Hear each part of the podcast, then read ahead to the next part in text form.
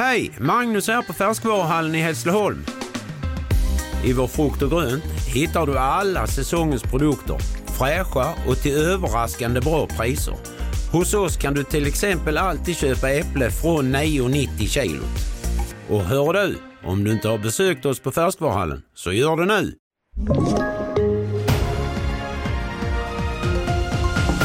Allt vanligare med unga gärningsmän och offer vid grova brott och trots minskad inflation ingen sänkt ränta i sikte. Det handlar om i TV4-nyheterna.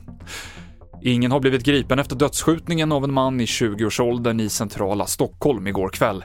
Det är oklart om skjutningen har kopplingar till den pågående våldsspiralen i Uppsala som har krävt två liv. I ett av de mordfallen sitter två tonåringar häktade och det blir allt vanligare att väldigt unga personer figurerar i det grova gängvåldet, både som förövare och offer. Åklagare Lisa dos Santos har haft hand om flera sådana fall och menar att föräldrar spelar en viktig roll för att förhindra att unga dras in i kriminalitet. Det är kompisar som drar in varandra och den när gängen kommunicerar med de här yngre som eh, ja, i, i folkmun kan kallas för springpojkar så sker ju det i uh, ungarnas mobiltelefoner. Alltså där sker ju kommunikationen i olika appar. Så att uh, där som förälder kan det gälla att ha koll på vilka appar har mitt barn, vem kommunicerar man med?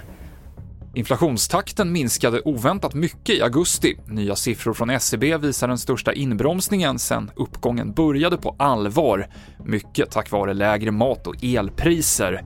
Men även om inflationstakten fortsätter falla kan det dröja länge innan vi får se räntesänkningar från Riksbanken.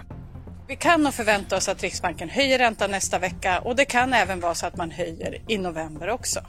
Trots de här goda nyheterna att inflationen faller så är det ändå så att eh, man är ganska långt ifrån det här målet som man är ute efter på 2% Så att inflationen är alldeles för hög och därför behöver Riksbanken höja räntan.